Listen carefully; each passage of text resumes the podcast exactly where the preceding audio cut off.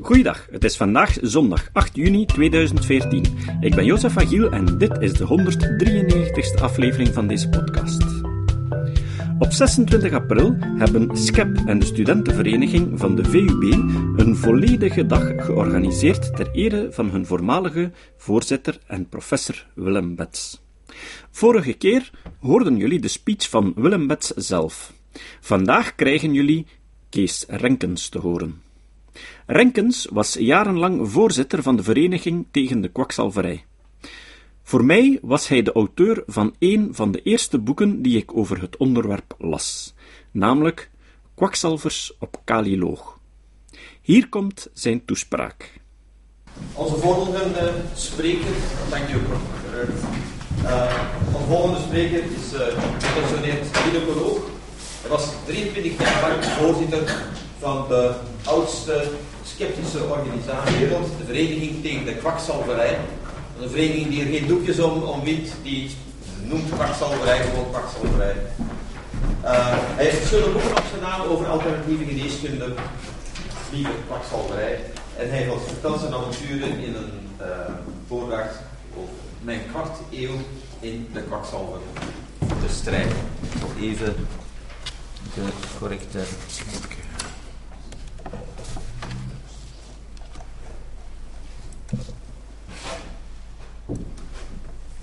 Okay.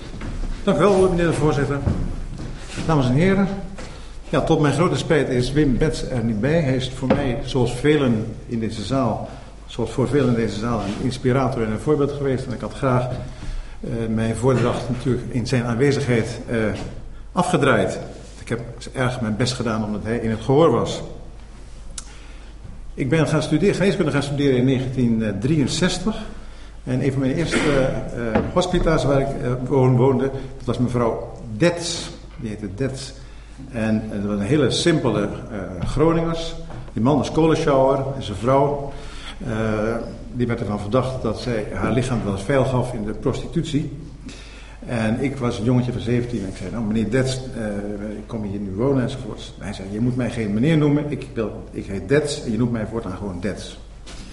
In diezelfde tijd had ik een pick-up en de platen van Stan Getz kwamen daar toen, uh, werden toen populair. Daar hield ik heel erg van, de Bossa Nova.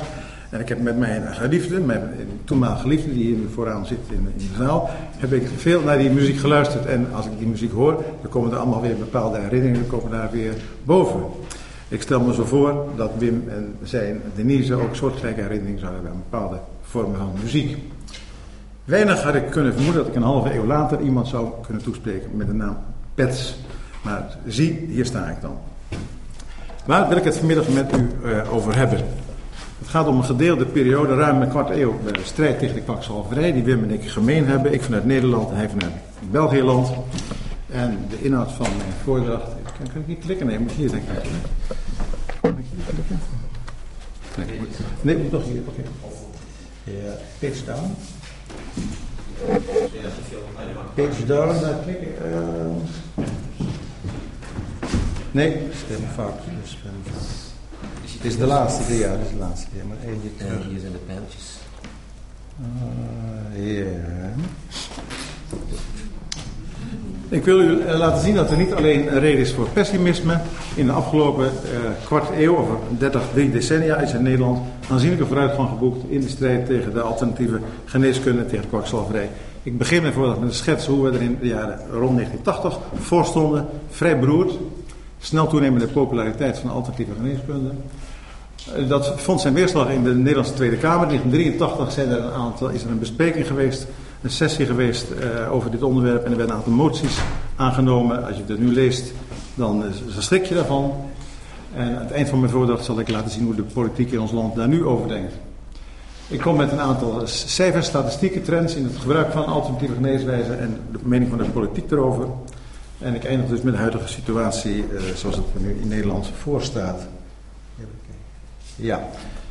De dia's heb ik op verzoek van Tim Drachet in het Engels gedaan, zodat de Engelse gasten ook een beetje kunnen begrijpen, hopelijk. Uh, in 1975, D66, een progressief-liberale partij, die uh, pleit in de Tweede Kamer voor introductie van acupunctuur onderwijs aan de Nederlandse universiteiten. Er werd een filmpje vertoond bij de VPRO, waarbij een Chinees uh, werd geopereerd, een longoperatie, met slechts één naaldje in zijn oor. En die wordt voortdurend uh, tijdens die operatie uit het rode boekje van Mao aan het citeren, op nerveuze, gehaaste toon. En intussen werd aan zijn long gepeuterd door de, chirurgen. Dat filmpje is de hele wereld over. Dat maakt een enorme indruk, vooral op politici. Dat er veel sprake was van bedrog en neurolab-analgesie, lokale verdoving. En zo pijlsnel opereren, zoals de methode van de vliegende messen heette dat in Peking in die tijd. Dat was een paar minder naar voren. Uh, de regering die wist niet goed hoe ze daar moest reageren. En die stelde toen een jaar later een commissie in alternatieve geneeswijze om haar te adviseren uh, hoe wij met die alternatieve geneeskunde moesten omgaan. Uh, ook de Orde der Geneesheren, zoals bij ons heet, de KNMG, die verzette zich toen tegen wetswijziging. Er was een sterke lobby om het artsenmonopolie los te laten. In die tijd was er, hadden wij een wet dat geneeskunde alleen bedreven mocht worden door mensen die daar een universitaire opleiding hadden gevolgd. En alle anderen waren onbevoegd en strafbaar. Een wet die op grote schaal werd overtreden en waar nauwelijks tegen werd opgetreden. En uh, zelfs de artsenorganisatie die heeft in die tijd gezegd, nou ja, we, redden het niet. We moeten geneeskunde maar tot een vrij beroep maken en redden wat er te redden valt. Een beteurenswaardige beslissing. In 1979, en dat zal ik straks nog verder toelichten, was er zo'n motie aangenomen in de Tweede Kamer om tot voor de vierde keer een wetenschappelijk onderzoek te doen naar een beroemde kwakzalversmethode in die tijd, het Moerman-dieet. Ik weet niet, dat heeft waarschijnlijk niet de Belgische grens, of misschien ook wel, uh, gehaald was een, een, een psychopathiforme uh, arts, een boeren, een dokter met een duivenmelker. Die beweerde na proeven op duiven, postduiven te hebben genomen dat hij kanker kon voorkomen en genezen. En die beledigde de gewone oncologie en de gewone geneeskunde op met hele, in hele grove termen. En hij kreeg elke keer steun in ons parlement om onderzoek te doen naar de effecten ervan. Vier keer toe is dat gebeurd. En tot, tot slot nu, daarna is het opgehouden. Want het levert geen enkele uh, onverklaarbare genezing op. Die commissie die in 1996 was ingesteld door staatssecretaris Hendricks, die produceerde haar rapport in 1981, Commissie Alternatieve Geneeswijze. En die had een aantal aanbevelingen die aardig pro-alternatief waren in die tijd. En de, ziektekostenverzekeraars begonnen in die tijd, gezien de populariteit van de alternatieve geneeskunde, met het uitbetalen, eh, vergoeden van die behandeling beperkte schaal weliswaar. Hier het percentage huisartsen wat ook meedeed. Was niet alleen buiten de medisch beroep. Het percentage general practitioners die alternatieve geneeskunde gingen beoefenen. En dat was hier in die tijd nou, 2 à 3 procent. Elke beroepsgroep heeft 2 à 3 procent dysfunctionerende collega's. Dat heb je burgemeesters, advocaten, notarissen. En de geneeskunde hebben dat helaas ook. En die tref je heel vaak aan in de alternatieve geneeskunde. Maar je ziet een heel snelle stijging daarna tot bijna uh, ruim 8% in 1989. percentage van de bevolking die naar een alternatieve genezer ging in die tijd.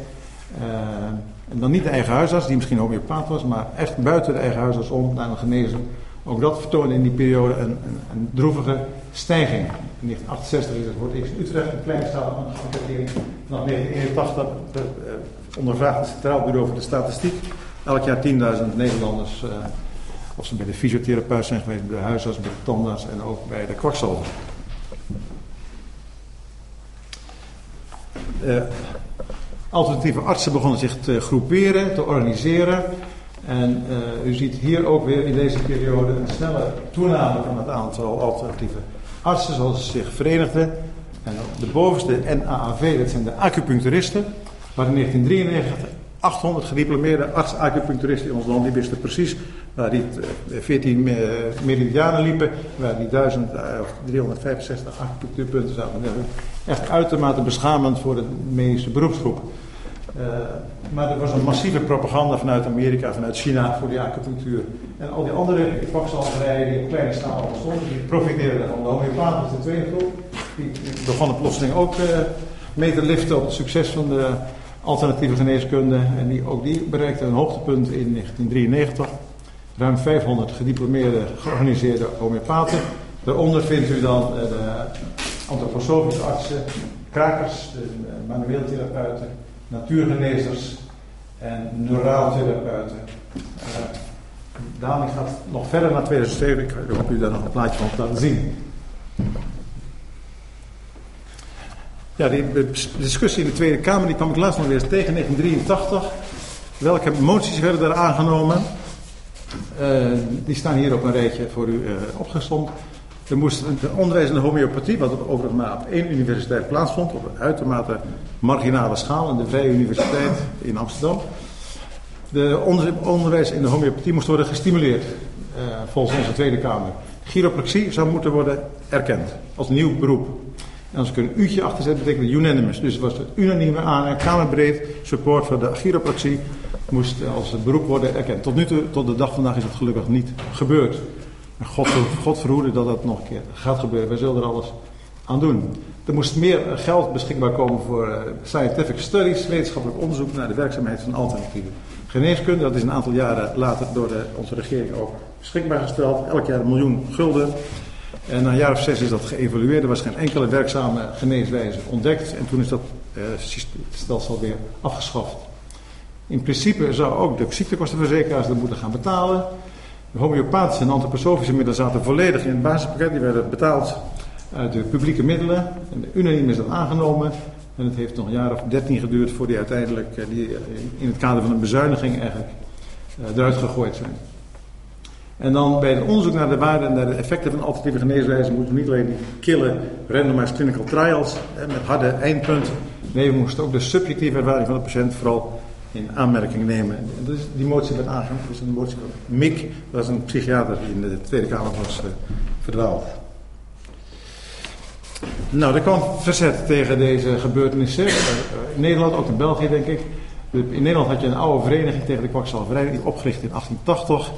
Die leed een kwijnend bestaan, zeker de wetgeving liet ons in de steek en dergelijke. Maar door de opkomst van die alternatieve geneeskunde kwam er weer een nieuw leven in.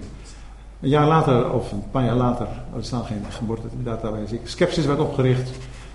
Er was stevige bondgenoten in de strijd tegen de alternatieve geneeskunde. Een jaar later in België, met Bets als een van de founding fathers, uh, dacht ik.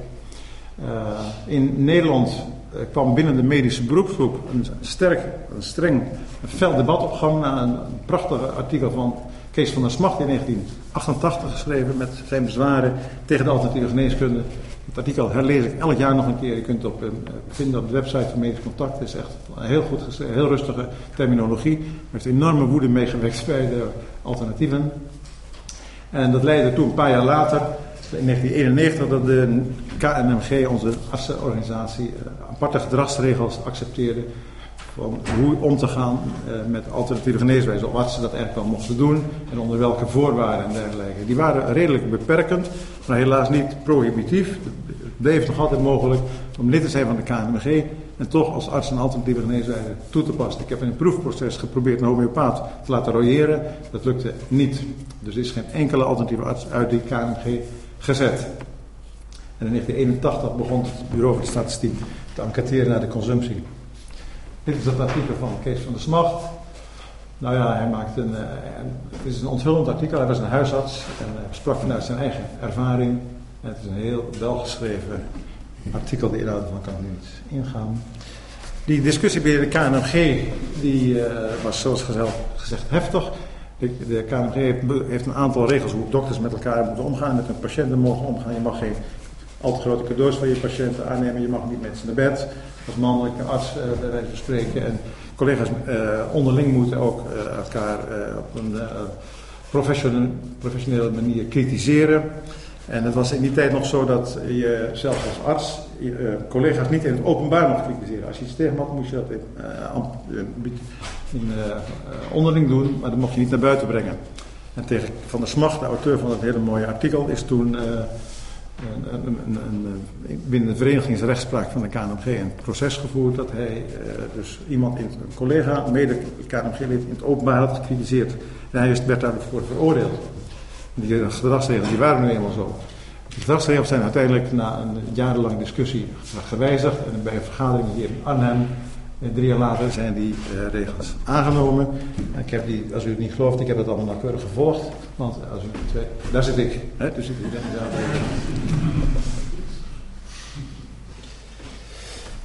ja, nou, hoe ging dat met die alternatieve geneeskunde in Nederland? Uh, ik liet wel eens een statistiekje zien op een curve van het percentage huisartsen dat ook alternatieve geneeswijzen ging aanbieden. Was in die tijd ook dat er een overschot was aan huisartsen in Nederland. Dus men moest een beetje eh, concurreren met elkaar. Dat is nu al lang afgeschaft. Dat, dat, bestaat, dat bestaat niet meer. Maar toen kon je, als je dus behalve gewoon huisarts was, ook nog eens een keer een alternatieve geneeswijze in aanbieding had, kon je daar extra mee scoren in. De sollicitaties of bij de verzekeraar of bij de gemeente. Uitermate kwalijk, maar dat was wel het, het eh, geval. Dat zal er zeker toe geleid hebben dat er bijna 10% van alle huisartsen in een bepaalde periode alternatieve geneeswijzen uh, toepasten. Ik zal u nog wat cijfers laten zien van de, de, de, consumptie van de Nederlandse bevolking. Ook het level of trust, het vertrouwen wat mensen, eh, de, de gemiddelde Nederlandse burger heeft in alternatieve artsen en alternatieve genezers.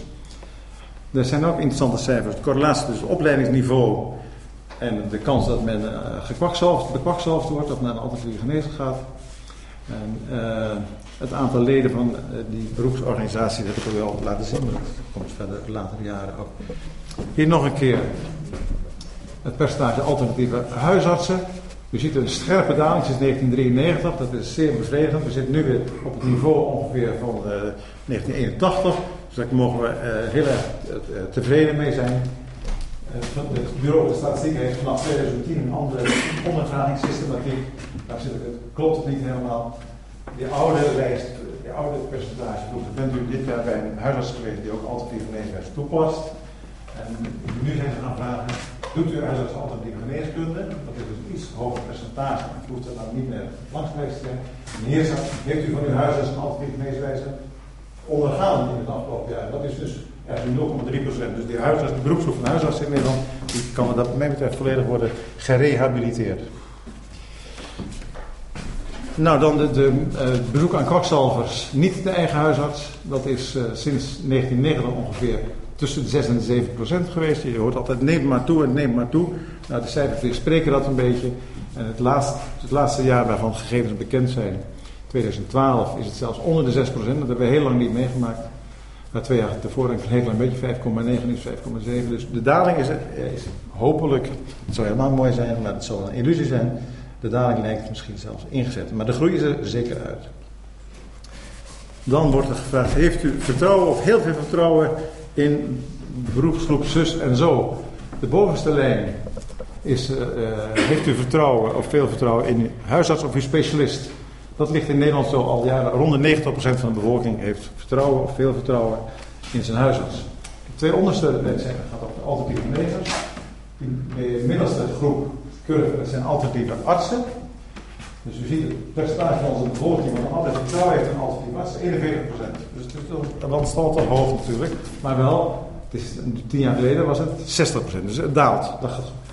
En het percentage in alternatieve genezers die geen arts zijn, dat zit zo'n beetje tussen de 15 en de 8, 59 procent. Het lijkt het nu enigszins gestegen te zijn. Dus nog 15 procent van de Nederlanders die zijn gezondheid durft toevertrouwen aan alternatieve genezers die geen medische opleiding hebben gehad. Nou, deze hebben we al eerder gezien van de collega uh, Ernst, dus het is een, leuke. Maar het blijft lastig voor patiënten. En dat zal, dat zal ook blijken uit de volgende dia. De correlatie tussen het opleidingsniveau en de kans dat men naar een alternatieve genezer bezoekt. Want dat komt hieruit, jarenlang consistente gegevens. Hoe minder onderwijs men genoten heeft, hoe, hoe sceptischer men staat ten opzichte van uh, alternatieve geneeswijzen. Mensen die alleen als hoogste opleiding laag onderwijs hebben gevolgd, die volgen, uh, daarvan ging maar 3%. Vorig jaar in 2012 naar een alternatieve genezer. Een iets hoger opleidingsniveau, 5,4%. HAVO, VWO 6,2% en daar hier universitaire HBO-opleiding 9%. Dus ongeveer drie keer zo'n grote kans als je een hogere opleiding of universitaire opleiding hebt gevolgd dan wanneer je alleen een lagere school hebt gehad. En dit is, zijn niet alleen Nederlandse cijfers, ook uit buitenlandse publicaties komt die trend komt steeds terug. Dat is een reproduceerbaar uh, gegeven. Uh, het probleem dat we dan hebben, dat de meeste Kamerleden, rechters en dergelijke, allemaal in die groep zitten waar een hoger opleidingsniveau. En uh, de kans dat zij, of nog erger, hun echtgenoten naar een kwakzalver gaan, is aanzienlijk. Dat heeft ons zeker parten gespeeld bij bepaalde rechtszaken, denk ik. Nou, hier weer die alternatieve organisaties. Ik heb u al laten zien tot 2007. Maar sindsdien is het stabiel, of het is nog wat verder gedaald. Dus het aantal artsen wat in georganiseerd verband de kwakzalverij beoefent, dat is uh, mooi gedaan sinds 1993. En dat cijfer is nog extra imposant, omdat het aantal artsen in die tijd in ons land is toegenomen, sterk toegenomen. Zijn veel meer artsen dan vroeger. Je kunt, uh, ik geloof dat 1 op de 450 Nederlanders nu arts is. Je kunt de grachten bijna mee dempen. En uh, dus procentueel is het dadelijk nog veel sterker dan in deze absolute getallen blijkt. Dus dat uh, gaat wel goed. Uh, als je al die clubjes bij elkaar optelt, de zes belangrijkste alternatieven, dan zie je hier nog een keer hetzelfde. Het piek in het rampjaar 1993 en daarna een gestage en continue daling. Buiten deze organisatie zijn nog een aantal acupuncturisten, homeopaten en dergelijke die ook een alternatieve geneeswijze behoeven, die geen lid zijn van die club. En schatting die ik met, met, met en ik kijk ook naar Jan Willem Nienhuis, maak die is ongeveer, komt nog 50% bij, een absolute getal. Niet georganiseerd zijn. Nou, toevallig is vorig jaar ook door het CBS gevraagd uh, wat voor geneeswijze, uh, waar, hebben we dan over als u naar een alternatieve geneeswijze gaat. Dit zijn de percentages. Acupunctuur is het meest populair, 24%. Dan hebben we hier een restgroep die niet gespecificeerd is, er staat een beetje daar tussen. Homeopaten, chiropracten, osteopaten, natuurgenezen. Je ziet het, bedgenezers die hebben het heel zwaar tegenwoordig. Dat, dat lukt niet meer, dat bidden, dat helpt, lijkt niet echt, nee. Welke conclusies kunnen we daar nu uit trekken? Dus sinds 1993 is het aantal alternatieve artsen is uh, dalende. En uh, in absolute cijfers is dat het geval, maar zeker procentueel. Het aantal consultaties bij alternatieve genezers, niet de eigen huisarts, is al heel lang stabiel tussen de 6 en de 7 procent. Het lijkt mogelijk een trend tegenwoordig om dan terug te, uh, wat gedaald te zijn, verder te gaan dalen percentage van huisartsen dat ook een enige vorm van alternatieve geneeswijze beoefent, is 3,4 procent. Maar de meeste consulten gaat gewoon over de pil of de bril en niet over een alternatieve geneeswijze. Dus dat is bijna helemaal gesaneerd. En de kwakzalvers daarentegen die zeggen alleen maar die overdrijven hun populariteit uh, systematisch. In werkelijkheid is die tanende. Nou, we hebben het allemaal aan te danken. Ja, in de medische beroepsgroep heeft uh, Van de Smacht, denk ik, een hele grote rol gespeeld. En de, KNMG het eerst wat kritisch gaan kijken. Wim Bets verdient nog een loftuiting, omdat hij toen in Europees verband alle lidstaten werden verplicht om een registratie in te voeren voor homeopathische middelen. Toen was Nederland daarmee heel laks. En hij heeft daar nog een klacht in, daarover een klacht ingediend tegen Nederland bij de Europese Unie. Dat ging ook over de indicaties die al niet toegelaten werden op de homeopathische verpakkingen. Ik, ik, heb het vermoeden dat Jan Wilmina straks op dit onderwerp nog even zal terugkomen. En vreemde ogen dwingen, het heeft, zeker toe bijgedragen dat het uiteindelijk goed afgelopen is en de regering uh, een duidelijk standpunt heeft ingenomen. We hebben de Millekam-affaire genoemd, gehad, heeft hem allemaal al, hij is al even langsgekomen.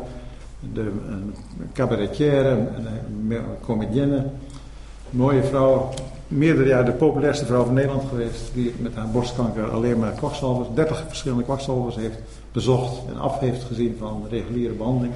En op gruwelijke wijze aan haar einde is gekomen.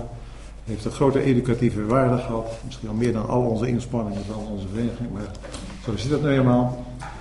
Uh, de KNMG heeft er nog een schepje bovenop gedaan op die gedragsregels. Die zijn nu heel strikt, maar net geen beroepsverbod. Je kan nog steeds acupuncturist zijn en lid zijn van de KNMG. Helaas, helaas. Maar in de politiek is er ook vooruitgang geboekt. En het publiek die weerspiegelt natuurlijk de publieke opinie. Maar soms durven ministers ook wel eens voor de troepen uit te lopen. En ik ga nu eventjes een kleine videoboodschap, 2,5 minuut. De minister voor Volksgezondheid, die, die ook nu nog minister is, die heeft mij via een videoboodschap gesproken toen ik afstond als voorzitter van de vereniging. Ik zei, prijs mij, daar gaat het mij nu niet om. Maar waar u ook luisteren is hoe zij nu over alternatieve geneeswijzen en homeopathie praat. En dat even vergelijken met hoe in 1983 in ons parlement erover werd gesproken. En dat is toch wel een uh, dramatische. Oh, oh, oh. Nou, shit. Wacht even.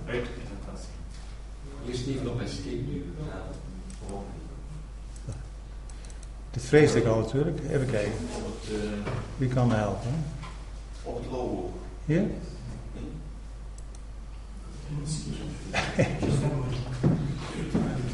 hij zit erin hoor, hij moet erin zitten. Oh, zo misschien. Ja, denk het, ja. Denk het, denk het. Ja, ja. ja, het duurt altijd even hoor.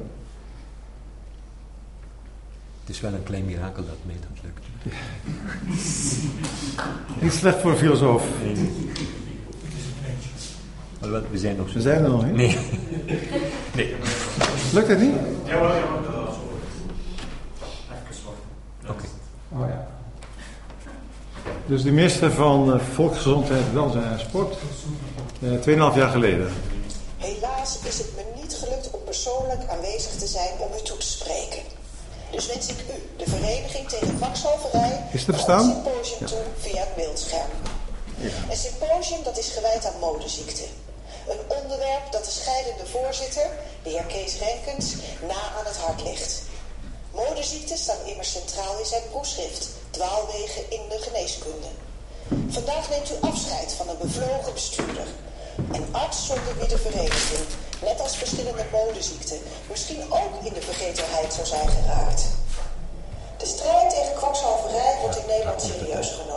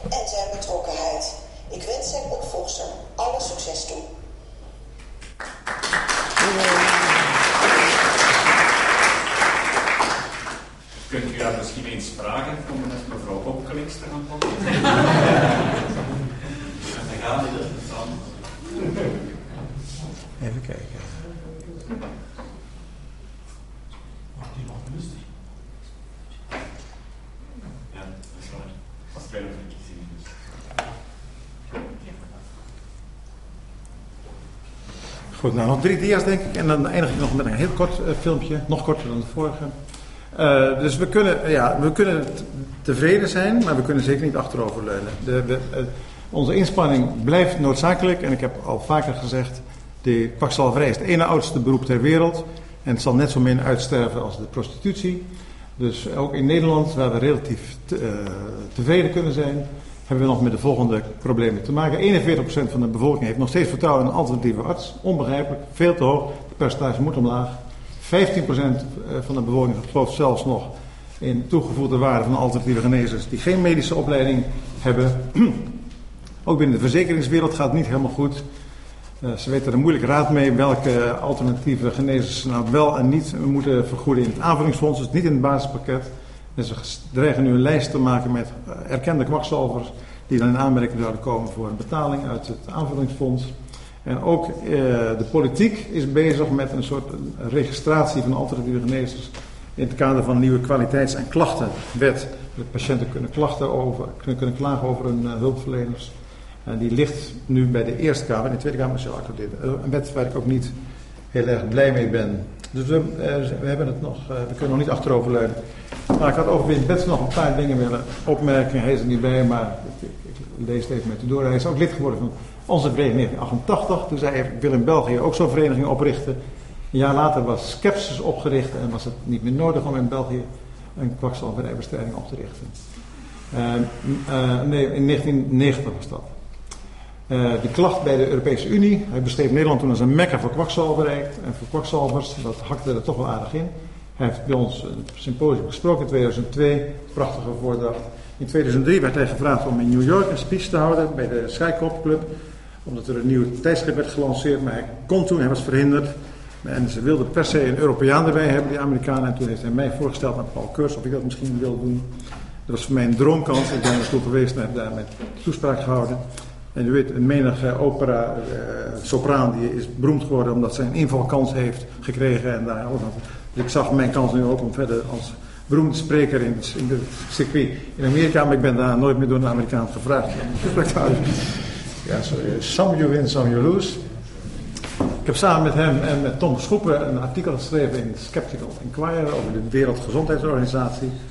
Ook daar zijn allerlei droevige ontwikkelingen en een van de grootste verdiensten van Wim is geweest dat hij een WHO-rapport over de homeopathie in conceptvorm onderschepte, waar allerlei positieve aanbevelingen en conclusies in stonden over de homeopathie. Er was al een vergelijkbaar rapport over acupunctuur verschenen binnen de WHO, wat elke, elke acupuncturist citeert. Dat het helpt tegen dysenterie, tegen doofheid. Echt verschrikkelijk uh, niet uh, peer-reviewed, heel selectief uit de literatuur verzamelde aanbevelingen. En we hebben toen dat artikel over het concept, concept over de homeopathie, de scientific review over de homeopathie, onderschept, of dat Wim Best gedaan, artikel over geschreven en dat is, daarmee zijn we geslaagd om dat hele verschijning van het rapport tegen te gaan. Dat is nooit meer gepubliceerd daarna.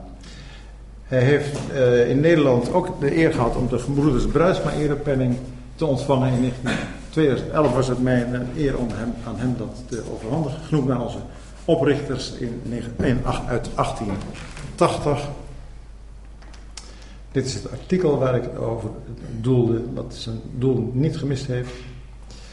De WHO luistert overigens niet goed naar Wim Bets en naar ons, er is net weer een nieuwe WHO Traditional Medicine Strategy gepubliceerd, waar wij waaruit een grote liefde voor de alternatieve en traditionele geneeskunde blijkt. U ziet hier onder andere het aantal landen wat nu uh, nationale instituten heeft op het gebied van traditional medicine en complementary medicine. Dat nemen ze samen.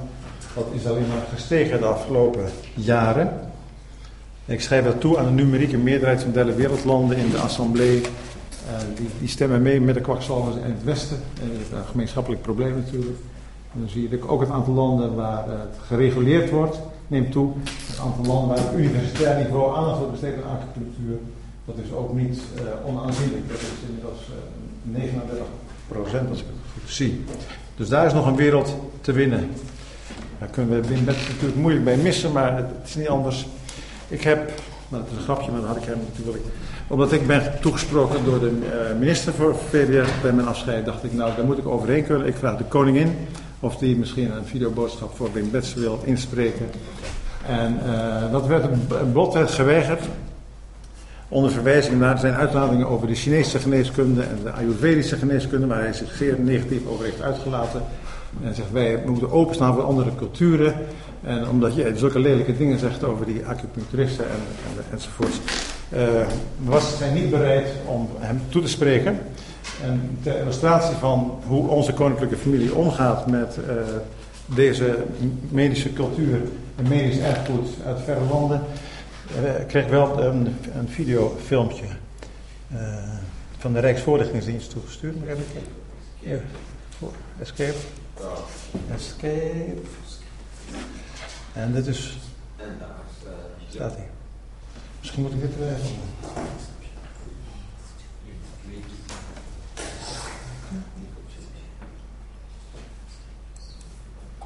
Controverse rondom het staatsbezoek van koningin Beatrix aan Abu Dhabi. De daardoor haar gedragen hoofddoek leidde tot felle reacties. Maar volgens de RVD is het aanpassen aan lokale kledingvoorschriften gebruikelijk, uit respect voor de gewoontes van het land. Ter verduidelijking toont de Rijksvoorlichtingsdienst ons foto's van een staatsbezoek aan Papua Nieuw-Guinea afgelopen zomer. Ook toen paste het koninklijk gevolg zich aan aan lokale tradities, zoals hier in een afgelegen Papua-dorp in de Balinvallei.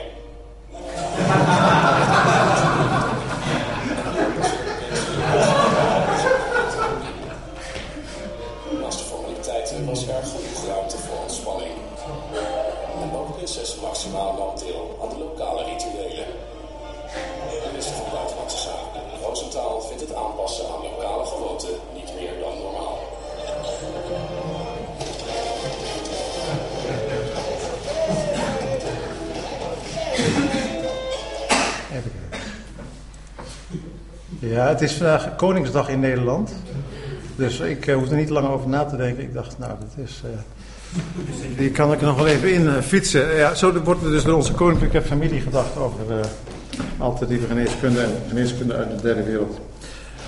hierbij wil ik het laten. Ja, vaarwel, onze grote inquisiteur Wim Bets. We zullen het zonder hem moeten doen. Maar we hebben zijn voorbeeld in, in gedachten en in ons geheugen. En het zal misschien heus wel goed komen, ook zonder hem. En we wensen hem, wens hem natuurlijk een goede gezondheid en hopelijk een voorspoedig herstel. Iedereen dank voor de aandacht.